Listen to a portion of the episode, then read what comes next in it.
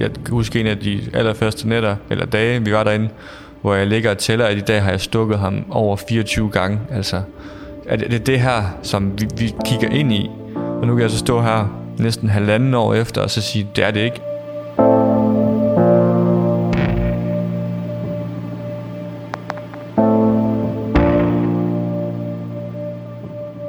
Det spiller stadigvæk en stor rolle. Det er en øh, stor del af vores liv, men det fylder jo slet ikke, som det har gjort. Altså, øh, vi har jo rigtig mange tidspunkter faktisk efterhånden, hvor at vi faktisk nok helt glemmer, at hun har diabetes. Det kan endda lyde måske sådan lidt halvfint, men det er faktisk virkeligheden.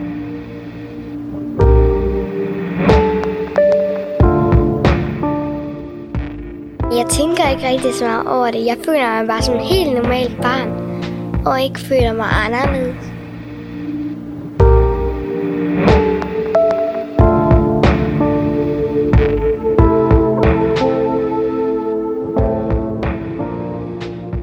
Velkommen til anden episode af Diabetesfamilier, produceret af Go Little for Steno Diabetes Center Nordjylland.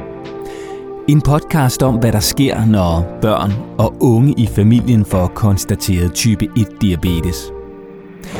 I denne episode kan du høre, hvordan man som familie får hverdagen til at fungere, og på trods af sygdommen får hverdagen til at blive netop hverdag igen.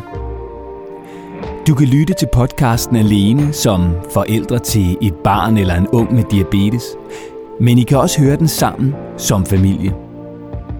Lærere, bedsteforældre og andre, der er tætte på barnet og har brug for viden om sygdommen, kan også lytte til podcasten. Der er nemlig også masser af gode råd og viden at hente fra en række eksperter. Du får afkræftet myter om sygdommen, og så får du ikke mindst en masse erfaringer fra andre familier med børn med diabetes. Og denne episode begynder hos Sara på 10 år, der som 8-årig fik konstateret diabetes. Og en del af Saras hverdag er udskiftningen af den pumpe, der sørger for, at Sara får insulin.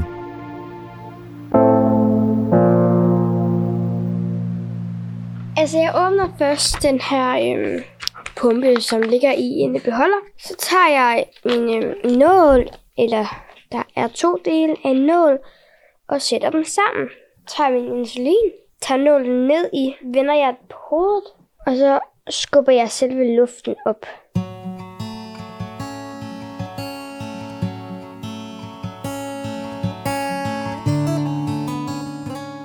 Sara bor i Åbybro, lidt nord for Aalborg, med sin lillebror Sebastian og sin mor Tina.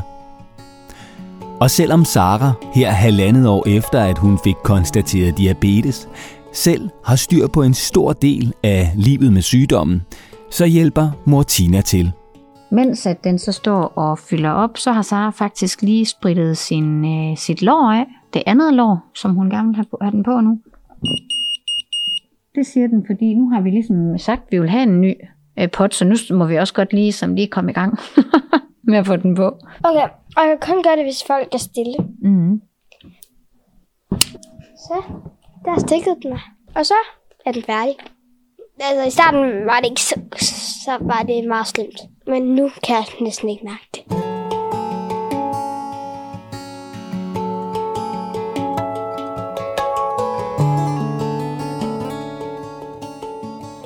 Da Sara fik konstateret diabetes som 8-årig, blev livet vendt på hovedet.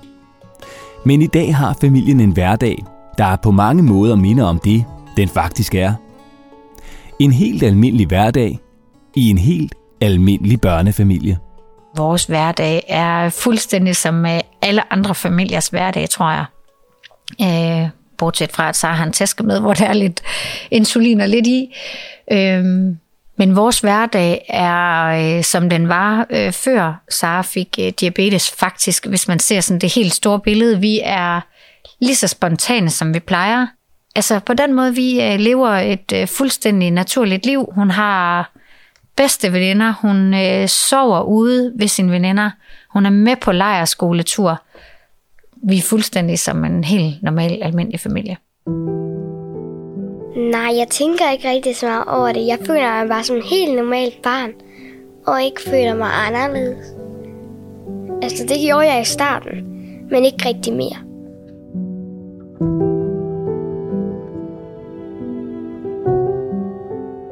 Og selvom hverdagen i den lille familie i dag altså ligner den, der var, inden Sara fik konstateret diabetes, så glemmer Sara og Tina ikke omvæltningen, da Sara fik stillet sin diagnose.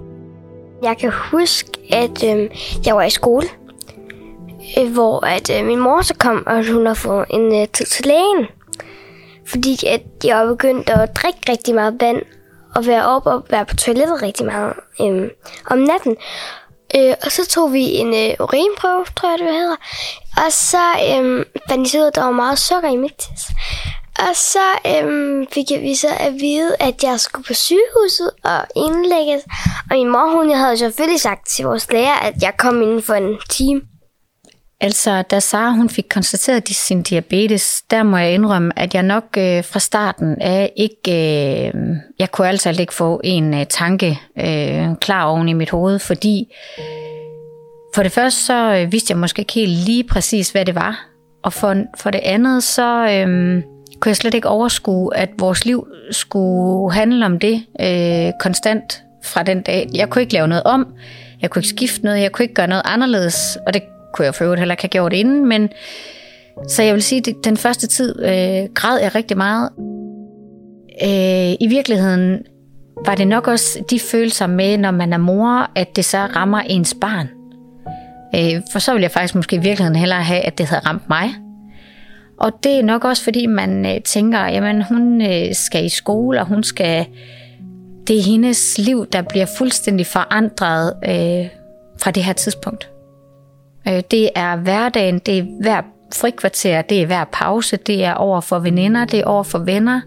Det er resten af hendes liv, og det er ikke noget, hun kan få væk eller gøre om, eller man er bare nødt til at takle det og håndtere det. Og så ville det måske i virkeligheden have været nemmere, at det havde været en selv i stedet for det ens barn.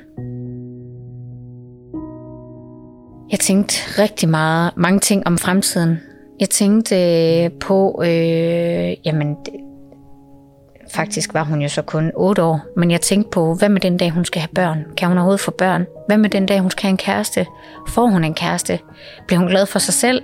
Kan hun leve med det her, og se sig selv i spejlet? Med de her ting, der nu følger med? Vil hun føle sig syg? Vil hun have venner i skolen? Vil de kigge på hende anderledes, på en anderledes måde?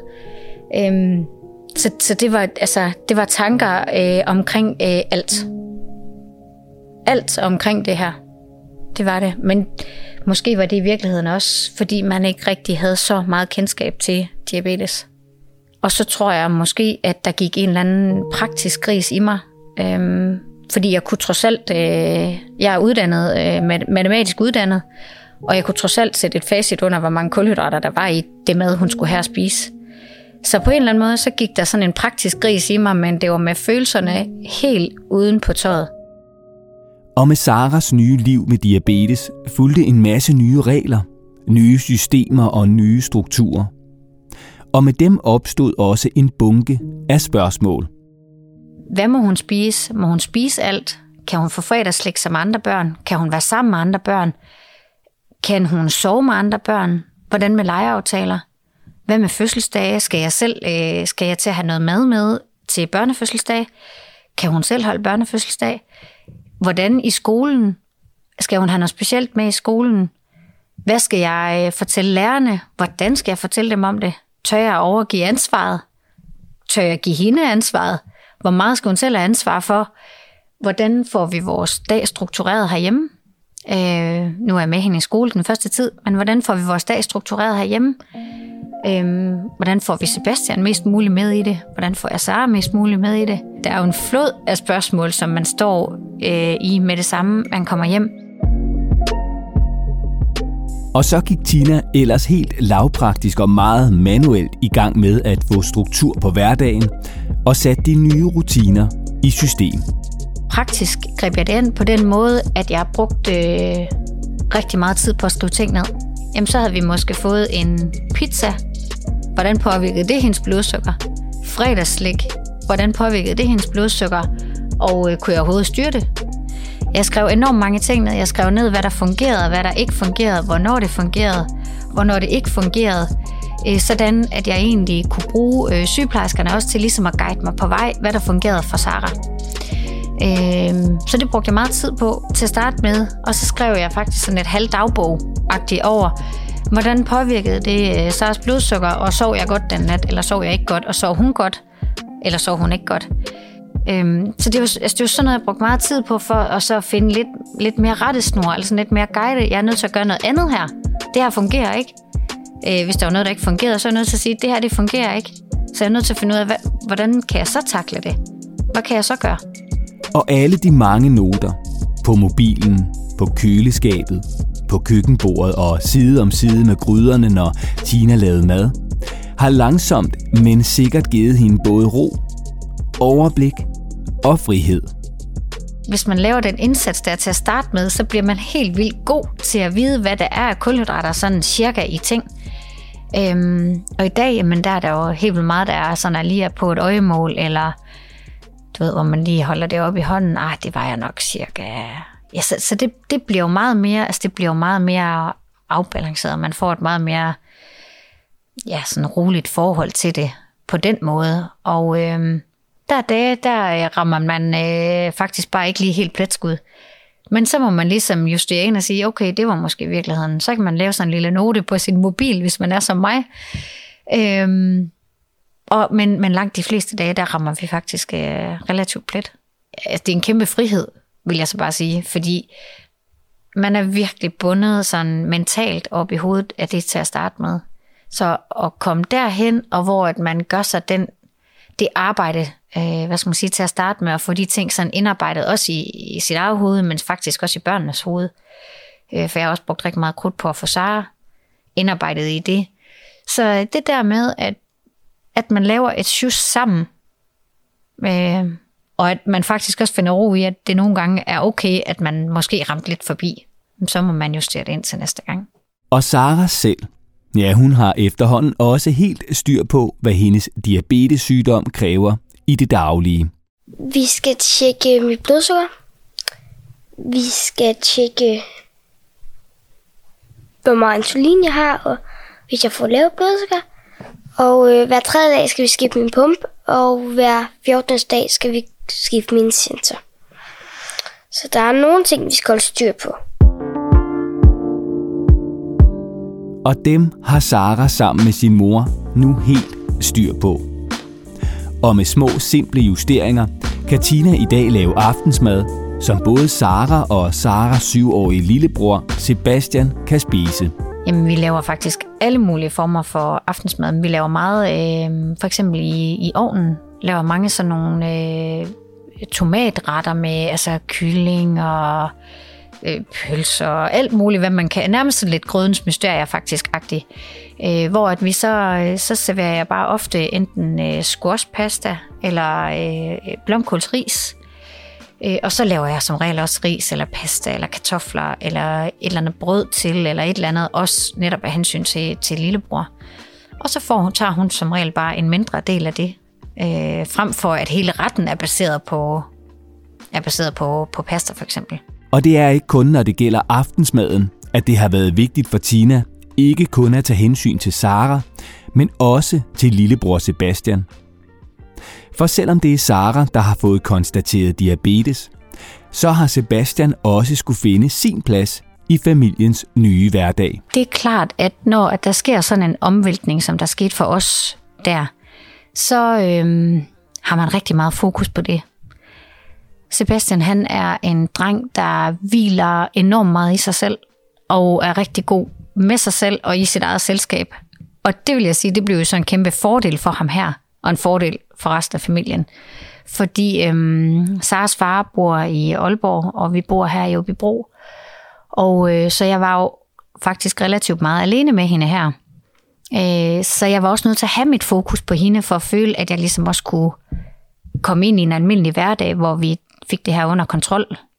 Så øh, han, han var meget øh, god til at egentlig at lege med sig selv, men når han så var herude hos os, jamen så blev han faktisk inddraget rigtig meget.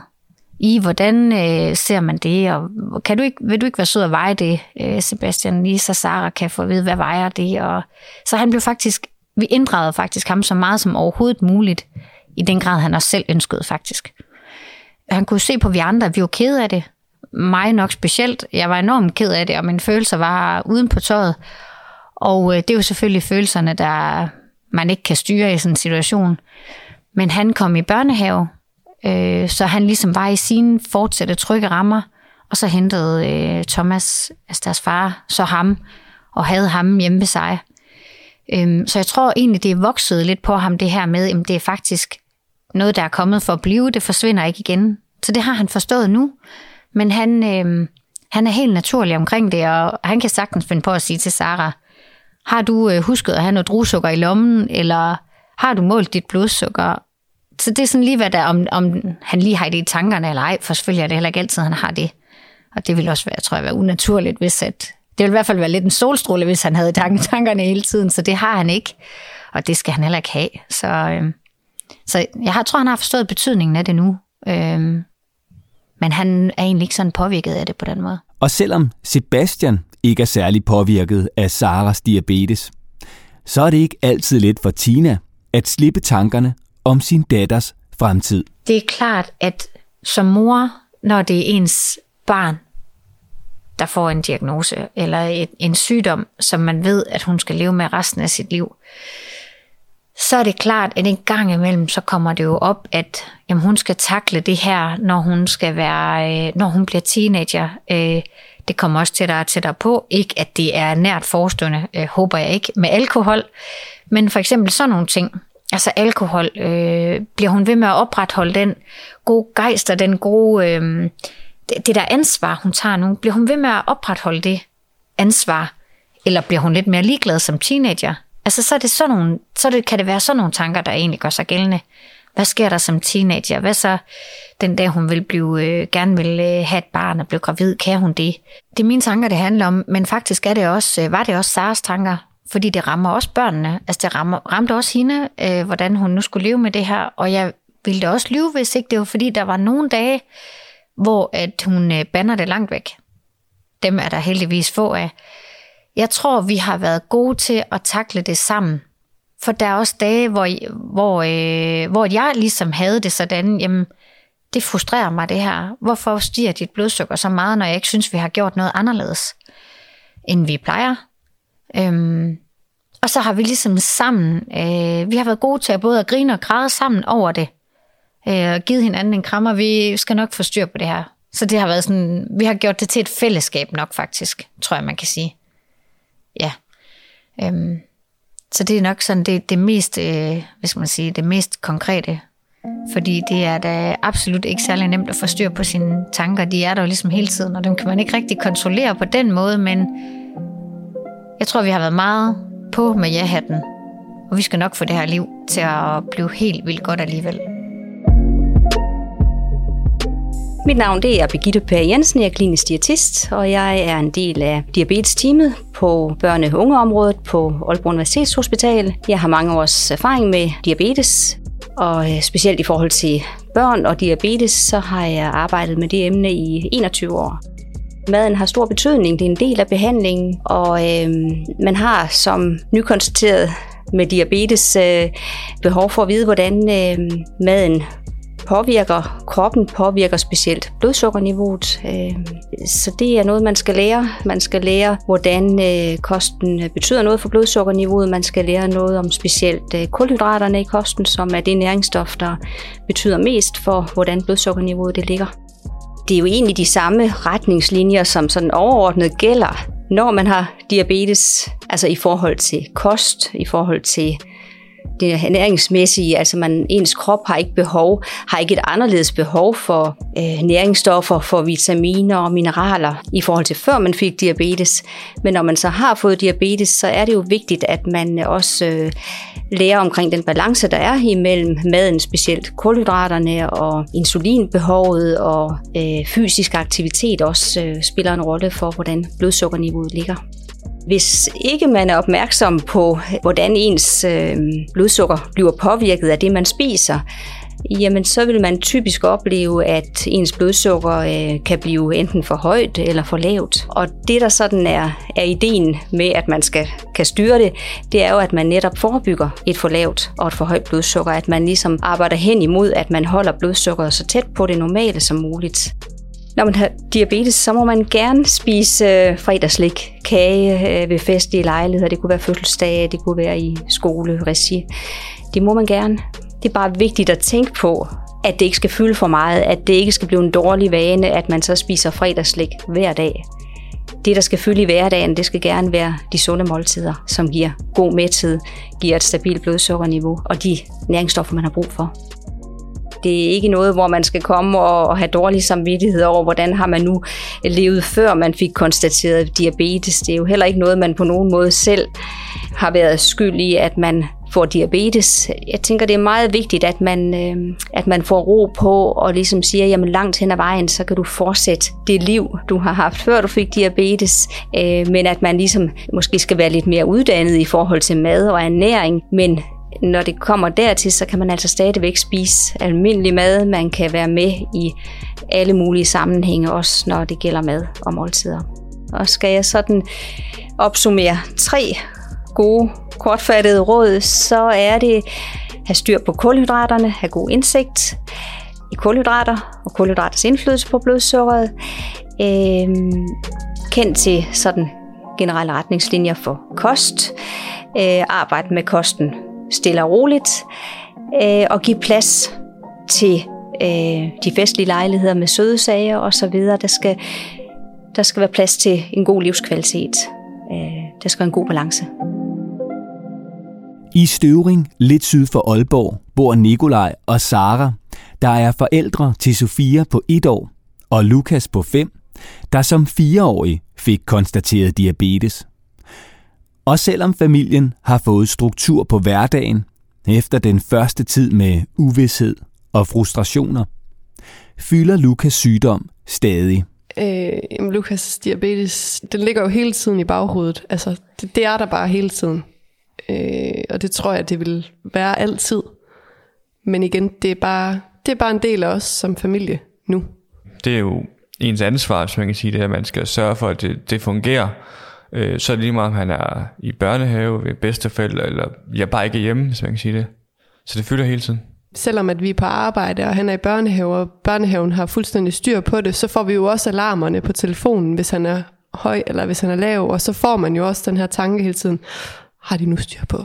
Har de nu sørget for, at han får en juice eller et eller andet? Fordi, uh, nu er han godt nok meget lav, og skal jeg lige ringe til dem? Eller, ah, og så kommer man jo alligevel sådan hen, de har jo styr på det, og så kan man jo også se, at han lige så fint kommer op igen og sådan noget. Men det er der bare hele tiden.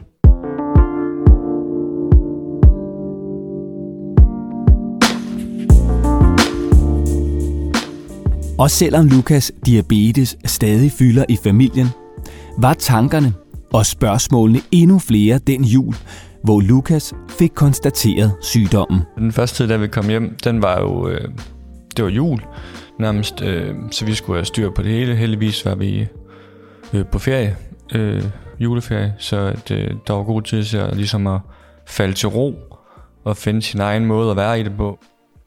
Jeg kan også huske, en af de første ting, vi spurgte om, nu var det jo december måned, det var det her med, at han havde jo hans chokoladejulekalender derhjemme, og vi mm. kendte ikke til det. Og skulle vi nu til at hjem og fjerne alt, hvad der hed søde sager, fordi at det er jo sådan lidt det, man hører med type 2 diabetes. Det er det der med, at de skal helst ikke måske have for meget, og nu snakker jeg, fordi jeg kender heller ikke som sådan til type 2 diabetes.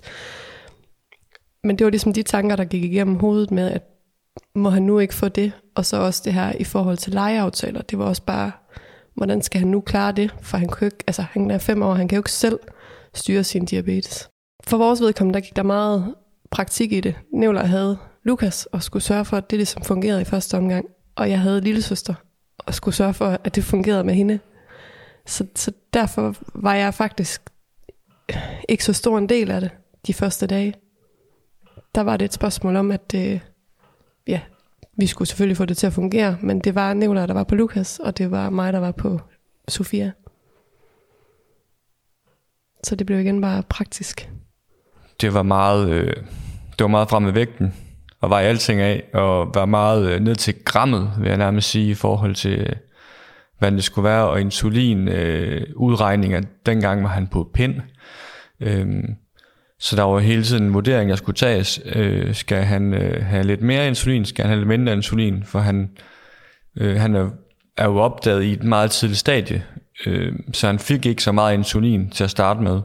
Og det betød jo, at, at de der finjusteringer, som man kan lave øh, på en pumpe senere, ikke kunne laves dengang. Øh, så det var meget øh, hele tiden vurdering af, hvor meget spiser han. Øh, kan han spise mere? Kan han ikke spise mere? Skal han ud og løbe? Eller hvad skal vi lave? Øh, så det var bare praktik. Det meste af det igen. Finde sin, øh, sin rytme og sin hverdag. Finde ud af, hvad, hvordan de forskellige fødevarer også påvirkede ham i forhold til hans blodsukker. Og selvom familiens madvaner har ændret sig, og Sara og Nikolaj er meget opmærksomme på, hvad Lukas spiser, så er den skærpede fokus på kosten også blevet en del af hverdagen. Vi skrev alt ned. Øh, hvor meget har han spist, hvor meget øh, insulin har han fået, og hvornår har han fået det. Øh, både øh, for at kunne finde et mønster i, hvornår og hvordan og hvorledes. Og den anden øh, var sådan set i forhold til, at hvis jeg lige pludselig ikke var der, og det var Sara, så kunne hun også se, hvad jeg har givet. Så man kan sige, systemerne var jo et stykke papir dengang. Øhm, og det var det også det fra børnehaven af, da han startede børnehave. Vi har, vi har lavet sådan en fælles note på vores telefon, hvor vi sådan har skrevet ned, men det har ikke været i forhold til, hvordan vi har gjort det. Altså, jo, det er jo så også i forhold til, hvordan vi har gjort det, men det har været i forhold til for eksempel ris og pasta, som driller blodsukkeret. At nu gør vi sådan, nu giver vi 70% lige på, og 30% øh, over tre timer. Øh, og så noterer vi efter det, hvordan er det så gået, for ligesom at prøve at knække den her kode. Men vi står her halvandet år efter, og har stadigvæk ikke knækket den, så vi bliver bare ved med at forsøge, og så skrive det nye forsøg ned. Øh, men der har vi sådan en fælles note på telefonen, vi deler, sådan at øh, når en os går ind og ændrer, så kan, vi, så kan den anden part se det. Det er mere rutine, at øh, vi har nogenlunde styr på de gængse madvarer, han, har, han får. Øh, og så tager vi det nogle gange bare lidt på slump. Vi siger, der er cirka 10 eller der er cirka 20 kulhydrater det der måltid. Og så justerer vi jo. Nu som Nicolaj siger, nu er det blevet lidt mere, om så tager vi så meget er der sådan cirka i en bolle, og så meget er der i det råbrød. Og altså, det er blevet sådan lidt mere, nu sidder der de mest gængste ting sidder sådan på ryggraden og sådan noget. Altså slik og sådan noget vejer vi stadigvæk af, for ellers så vil det stikke fuldstændig af for os. Ris og pasta stikker også fuldstændig af for os, så det bliver også altid vejet af. Så det er ikke fordi, vi er stoppet med at veje, men de fleste ting er bare blevet mere hverdag. Og hverdagen er jo ikke kun derhjemme. Efter sin indlæggelse skulle Lukas tilbage i børnehave. Og Nikolaj tog med. Da Lukas øh, skal tilbage i børnehaven øh, efter vores indlæggelse, efter vores juleferie der, øh, der får jeg øh, forældreoverlov. Så altså, jeg er faktisk med i børnehaven fuldtid i tre måneder. Og pludselig skal jeg stå og være formidler af, hvordan man hjælper Lukas bedst med hans diabetes. Og man synes jo selv ikke engang, at man har styr på det endnu, hvis man kan sige det. Så det er sådan lidt det er en sjov ting, men, men der, er, der er jeg så med i børnehaven i tre måneder, øhm, og trapper sådan stille og roligt ud af. Øh, mit, øh, min rolle øh, sidder de sidste, ja det er næsten to måneder, tror jeg, jeg sidder på et kontor, øh, og faktisk kun går ud, når at der er måltider. Øh, og så kommer de faktisk ind, hvis der er noget ellers. Men, men jeg synes at de tre måneder gjorde, at vi følte os trygge, da, vi var, da jeg var tilbage på arbejdet. Og så øh, blev det bare sådan noget med, at hvis der blev spurgt til en lejeaftale, så det første øh, lange stykke tid, så var det egentlig herhjemme, at der så blev holdt lejeaftaler. Og så alle øh, forældrene, der har i hvert fald ikke mødt nogen endnu, der har sagt, at han ikke er velkommen hjemme med dem. De har også sagt, at øh, jamen, de må også gerne lege hjemme med os, og så har vi jo sagt, at det må de meget gerne. Vi har den her quick guide til, hvordan og hvorledes, og vi er på telefonen, øh, og så ringer I, hvis det er sådan, og så har vi lavet en aftale med, hvordan det skal fungere, og der er nogle stykker nu, der ja, har nærmest lige så godt styr på det som børnehaven i forhold til at have ham med hjemme på lejeaftale, så det er rigtig dejligt.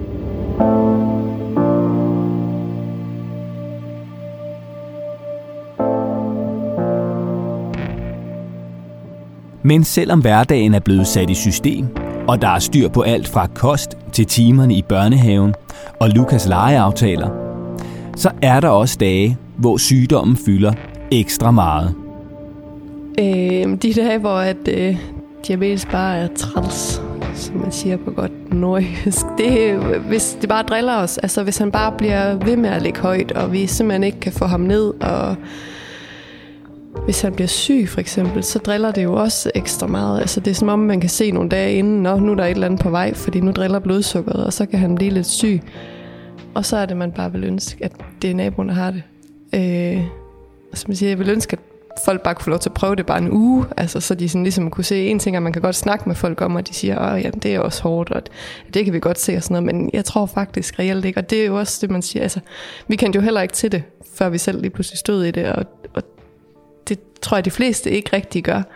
Så hvis bare de lige kunne prøve, bare en uge, og skulle, øh, skulle stå i det her, så tror jeg, de ville kunne forstå lidt mere, hvad der er, man står med. Generelt er diabetes jo bare en træt sygdom, hvis man kan sige det. Øh, og den kræver noget hele tiden, og den, som vores syge, diabetessygeplejerske også siger, det er, at der er jo ikke noget faceliste der. Og lige snart vi tror, vi har fundet facelisten, så sker der et eller andet, der ændrer det.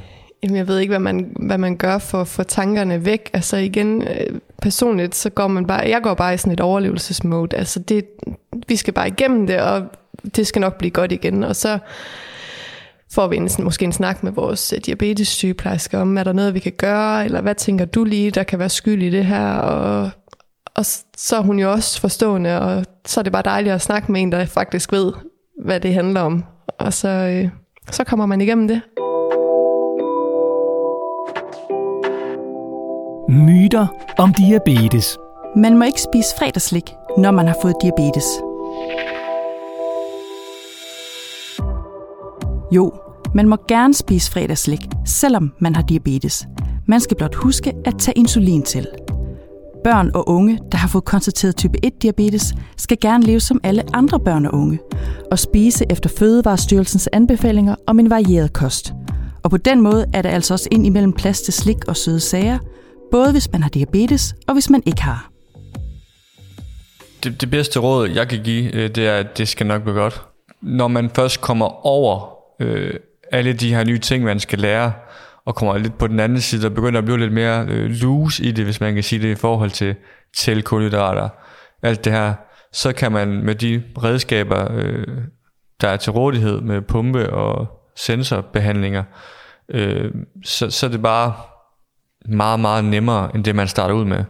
Altså jeg husker jo tydeligt den første tid på sygehuset, hvor jeg tænkte, skal jeg stikke min søn i fingeren og måle hans blodsukker? hver anden time resten af hans liv, skal jeg stikke ham i maven. Øh, jeg kan huske en af de allerførste nætter, eller dage, vi var derinde, hvor jeg ligger og tæller, at i dag har jeg stukket ham over 24 gange. Altså, er det, det er det her, som vi, vi kigger ind i. Og nu kan jeg så stå her næsten halvanden år efter, og så sige, det er det ikke. Altså, det fungerer helt fint i en ganske normal hverdag for os. Øhm, man skal bare lige igennem den første tid, hvis jeg skal give et godt råd, så vil det også være, at man skal bruge de her grupper både på Facebook, og jeg ved også, at der er altså grupper, der mødes også og sådan noget. Øh, fordi så føler man sig mindre alene. Altså, der er faktisk andre, som står i samme situation. Så brug de grupper, der nu er, og få sparring og støtte. Det har i hvert fald betydet meget for mig, at man ligesom kan føle, man føler sig bare mindre alene. Altså, det, der er muligheder for, at det kan blive rigtig, rigtig nemt at have diabetesbarn. Jeg vil sige, der er ikke nogen ting, vi siger nej til, hvis Lukas bliver spurgt, om han skal være med til noget. Og det kommer der heller aldrig til at være. Det kommer måske bare til at være med os på sidelinjen, så, eller med en af os på sidelinjen, hvis han skal gå til et eller andet, eller hvis han skal til et eller andet, som, som kræver lidt ekstra opmærksomhed, så må vi simpelthen hive en dag ud til det, hvis det er sådan. Og det har også siddet sig sådan, hvis han er inviteret hjem til en på lejeaftale eller til en fødselsdag, at så siger vi også til dem, at øh, hvis I er tryggere ved det, så sidder vi gerne og drikker en kop kaffe, mens han er der. Øhm, men jeg vil så også sige, at det er heller ikke sket endnu, og Lukas får lov til at være Lukas og en dreng på fem år. Jeg har været med til fødselsdag i, i den første periode i børnehaven der, og det er jo begrænset alligevel, hvad man gør. Man er der bare som en tryghed. Øhm, Og som så siger, så vil jeg hellere sidde ud foran huset i en, i en bil, så jeg kan gå ind og hjælpe, hvis det er det, der er trygt for dem, der nu skal have ansvaret for ham, for han ligesom kan være så normalt som muligt. For vores vedkommende, der skal han deltage i alt det, som han har lyst til. Og så må vi jo så finde den løsning, der er bedst for ham og for os, hvis man kan sige det. Han skal ikke føle, at han er anderledes, bare fordi han har fået diabetes. Lukas er jo bare Lukas, og Sofia er jo bare Sofia, og der bliver ikke lavet forskel på dem, om Lukas har diabetes eller ej, og Sofia ikke har. Så altså, jeg, selvom at vi har en, en kronisk sygdom trukket ned over hovedet, så, så føler jeg jo ikke nu her, halvandet år efter, at vi er ret meget anderledes end en hvilken som helst anden kernefamilie.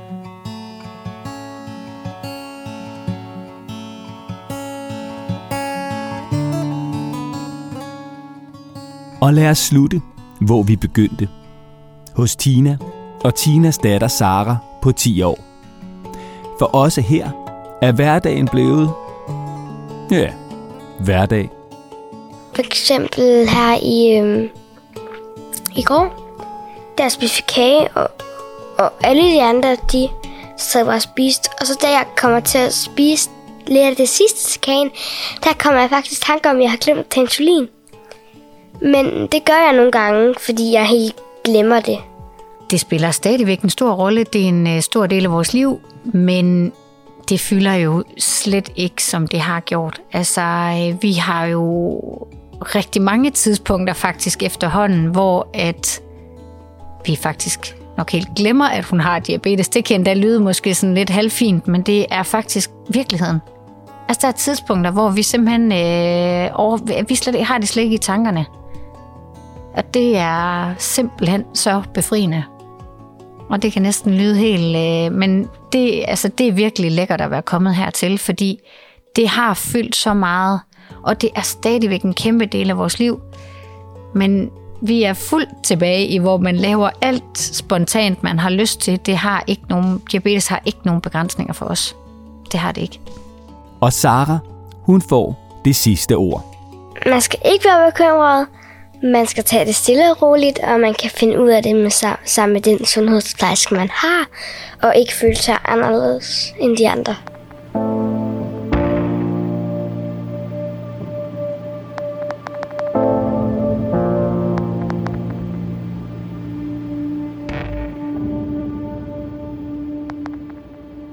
Det var anden episode af Diabetesfamilier. I næste episode kan du møde Anne og Lasse og deres søn Jakob på syv år. Du kan høre, hvordan Jakob fik en god skolestart i 0. klasse, på trods af sin diabetes. Og hvordan Anne og Lasse gjorde alt for at sikre, at Jakob ikke skulle føle sig anderledes i forhold til sine klassekammerater. Vi fortalte skolen til at starte med, at hvis der var øh, fødselsdag eller uddeling af, hvad det nu kunne være i klassen, jamen, så skal Jakob selvfølgelig have fuldstændig det samme som alle andre. Der skal aldrig gøres nogen forskel. Det er vigtigt, at han får et så normalt liv som muligt, sådan at han ikke føler, at, at, at den her sygdom, altså det, simpelthen, det, det kunne ikke være værre. Men det er først i næste episode. Og hvis du synes om podcasten og har fået noget ud af den, så abonner på den i din podcast-app og skriv meget gerne en anmeldelse. Så er du nemlig med til at få den spredt ud til endnu flere familier, der kan have brug for den. Og husk så, at du kan få meget mere information om livet med diabetes hos børn og unge ved at hente Steno Starter-appen helt gratis i App Store eller Google Play. Podcasten er produceret af Go Little for Steno Diabetes Center Nordjylland. Interview og tilrettelæggelse af Astrid Brun Bonen. Jeg hedder Morten Resen.